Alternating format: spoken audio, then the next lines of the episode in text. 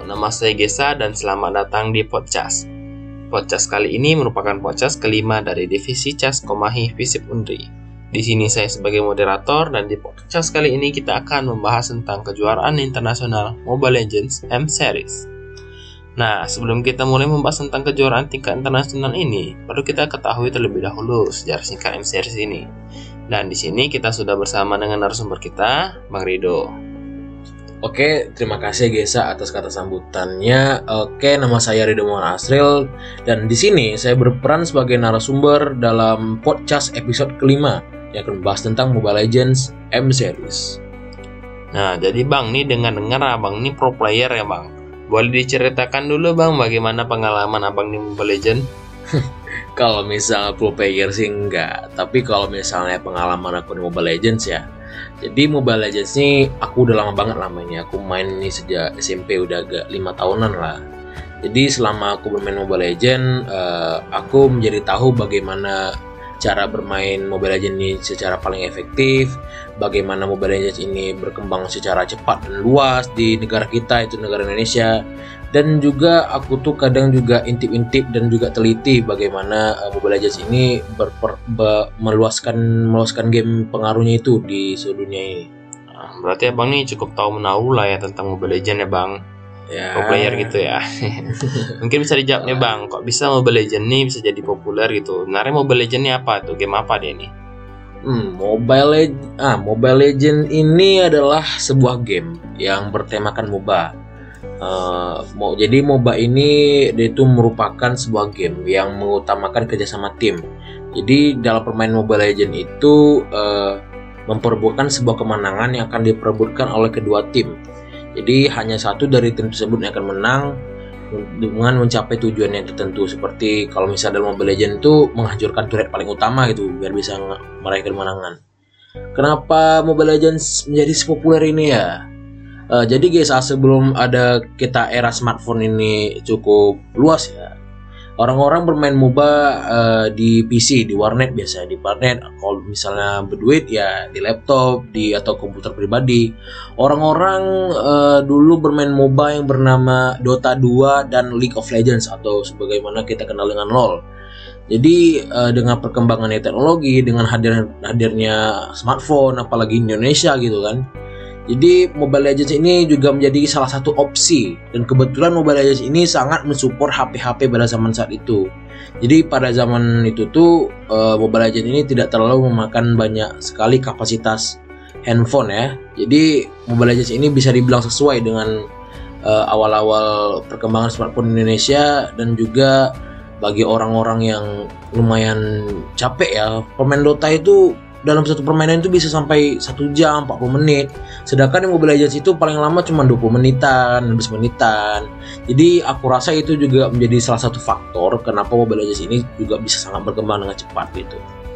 Oh, berarti karena perkembangan smartphone itu sendiri ya bang? Ya cukup berpengaruh lah. Hmm, gitu ya bang. Jadi Muntun nih bang yang game Mobile Legends ini dia tuh setelah mendapatkan kepopuleran ya Mobile Legends banyak dimainkan dia itu kan membuat uh, apa kompetisi internasional itu yang bernama M Series itu. Jadi M Series itu saya penasaran apa itu bang M Series itu? Jadi Gesa, um, M Series itu adalah sebuah turnamen Mobile Legends yang resmi dari Muntun itu sendiri dan diadakan setahun sekali dalam kancah internasional. Maksudnya kancah internasional di sini adalah uh, seluruh dunia bisa mengikuti pertandingan Mobile Legends ini. Jadi ini tuh mencakup seluruh dunia jadi nggak cuma Asia Tenggara di mana Mobile Legends itu berkembang dengan sangat pesat. Jadi seluruh dunia bisa berpartisipasi, seluruh negara di dunia bisa berpartisipasi di dalam pertandingan M Series ini. Hmm, gitu ya bang. Jadi ngomong-ngomong soal M Series ini, ini sudah berapa lama dan sejak kapan dia diadakan gitu bang? Jadi Gesa M Series pertama kali itu dilaksanakan eh, pada tahun 2019 di mana M1 sedang berlangsung dan sekarang sudah 2022 ya, berarti udah 4 tahun ya guys ya, kan ya guys ya. Ya. Berarti udah M4. Dan uniknya M Series pada tahun ini itu dilaksanakan di Jakarta pada Januari nanti. Jadi hal itu juga merupakan hal-hal juga hal itu juga merupakan sesuatu yang sangat menyenangkan bagi para rakyat Indonesia. Jadi sehingga ingin melihat turnamen Mobile Legends yang sebesar kancah internasional itu tidak perlu jauh-jauh ke Singapura atau ke Malaysia gitu-gitu. Jadi jadi mudah diakses lah sekarang. Oh gitu ya bang. Sama ini M tapi ya gini bang, M4 ini ada sedikit komentar dari para pemain gitu bang. Biasanya dari M series ini kan M1, M2, M3 dan eh, M1, M2 dan M3 itu kan ada peningkatan jumlah price pool gitu bang.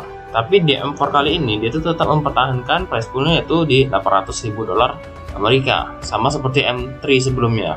Itu kenapa ya bang kira-kira bang? Kalau misalnya dari aku sih, aku juga cukup setuju sih dengan perkataan player-player yang mengatakan hal tersebut ya. Karena cukup disayangkan. Mau game sebesar Mobile Legend ini kenapa sih hanya menetapkan price pool segitu doang gitu. Sedangkan MOBA-MOBA MOBA yang kalah saing dan kalah populer dengan Mobile Legends sudah menetapkan price pool untuk laga internasional itu sudah berjuta-juta dolar. Jadi menurut aku hal ini sangat-sangat disayangkan sih. Itu sih pendapat aku. Saya juga sependapat dengan abang soal itu. Menurut saya, Muntun seharusnya lebih serius dalam menggarap sebuah kejuaraan, iya, terutama benar. untuk level internasional seperti M4 ini. Hal tersebut tentunya akan berdampak baik kepada komunitas Mobile Legends ini. Nah, menurut abang nih, mungkinkah Muntun akan mengubah kebijakannya untuk M4 ini? Menurut aku ya, aku rasa Muntun tuh pasti ada sih perubahannya yang belum dikasih tahu ke kita gitu kan. Soalnya kalau misalnya kita lihat dari data-data yang ada, itu tuh masih terlalu abu-abu lah.